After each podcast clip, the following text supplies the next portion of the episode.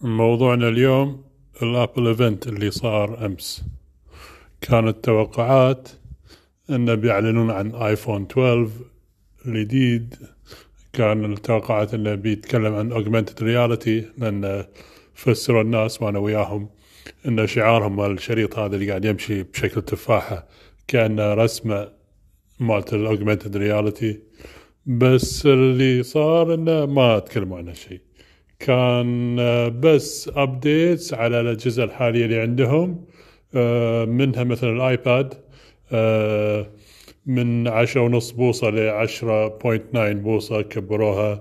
حطوا زرار بصمة على ال on off مال ال iPad آه، قدموا ألوان جديدة. ال Apple Watch تكلموا عن Apple Watch ستة وما تغير وايد من ال Apple Watch زادوا عليها مثل sensor خاص في الأكسجين بالدم اللي يلعبون رياضة مهمة الرقم هذا عندهم فزادوا ال sensor فيها. نزلوا موديل رخيص عشان ال Apple Watch آه، حدود ال 130 دولار شيء كذي. آه، آه، قدموا اشتراك بال fitness كأنك مشترك بنادي رياضي يعطيك فيديوهات ألعاب تلعبها وانت لابس ال Apple Watch يسجل تطورك. وبعدين يعني يعطيك updates انه قمت بال قمت بالنتيجة المطلوبة أو لا ويعني من الكلام هذا.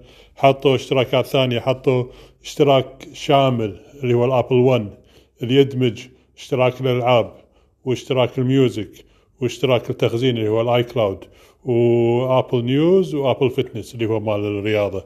كلهم تحت اشتراك واحد واظن تكلفته 20 أو 30 دولار بالشهر مبلغ كذي. يعني أشياء تشجع الناس إنه يشترون اللي بيتطورون بس مو هالأشياء الواو اللي تخلي الناس يعني خلي يعني يطلبون ويصرفون وما شنو. وهذه شغلة يعني وايد ناس لاحظوها بالآبل الحالي تحت إدارة تيم كوك اللي هو رئيس الحالي.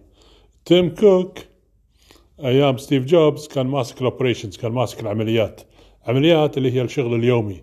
يتأكد أن المصانع شغالة يتأكد أن الطلبات ماشية يتأكد أن طريقة التصنيع تكون بأرخص قيمة وبأعلى جودة هو اللي خلى أبل تصنع بالصين وتدز لأمريكا لأن التصنيع هناك يعني جودة عالية وتكاليف أقل. فتيم كوك مو تفكيره ابتكارات جديدة أو أجهزة جديدة لا تفكير التطوير تفكير الأرباح تفكيره شلون نخلي الشيء. يعني الناس ودها تشتريه من غير ما نتعب نفسنا بال design ونصرف بالتسويق ونسوي أشياء جديدة. ف ومبين الشخصيه الجديده مالت آبل من استلم آه، كوك من بعد وفاة آه، ستيف جوبز. فيعني آه، وعطانا أشياء جديدة بس مو هالأشياء اللي اللي بهرت الناس. وايد من التطورات الجديدة هواوي سبقت آبل سامسونج أكيد سبقتهم بعد. في وايد أشياء تبون اخر تكنولوجيا الناس تروح عشان الأجهزة الثانية. أه، بس بالأشياء اللي داش بالنظام الآبل أكيد يعني بيكمل وياهم. أيام ستيف جوبز الماكنتوش صار جهاز الكمبيوتر الحروف النسخ وغيره اللي على الشاشه هذه كلها أيام ستيف جوبز الفارة ستيف جوبز الآيبود والآيفون والآيباد هاي كلهم اختراعات. آه، ستيف جوبز أو شاف التكنولوجيا موجودة. هو ستيف جوبز هو ما اخترع شيء لقى التكنولوجيا موجودة بس بالمختبرات راح تبناها ونزلها السوق. ف فالتطورات هذه كلها أيام ستيف جوبز. آه، مع كوك لا. حاط عينه على الارباح حاط عينه على البيع حاط عينه على انه مثلا يزيد الاشتراكات. آه، مو على التطوير يعني مو متوقع منهم شيء يعني كبير يصير بس يعني أكيد راح يتطورون يعني ويغطون التكنولوجيات الجديدة بس مو مثل أيام ستيف جوبز يطلع بشيء جديد يعني يغير نمط العالم.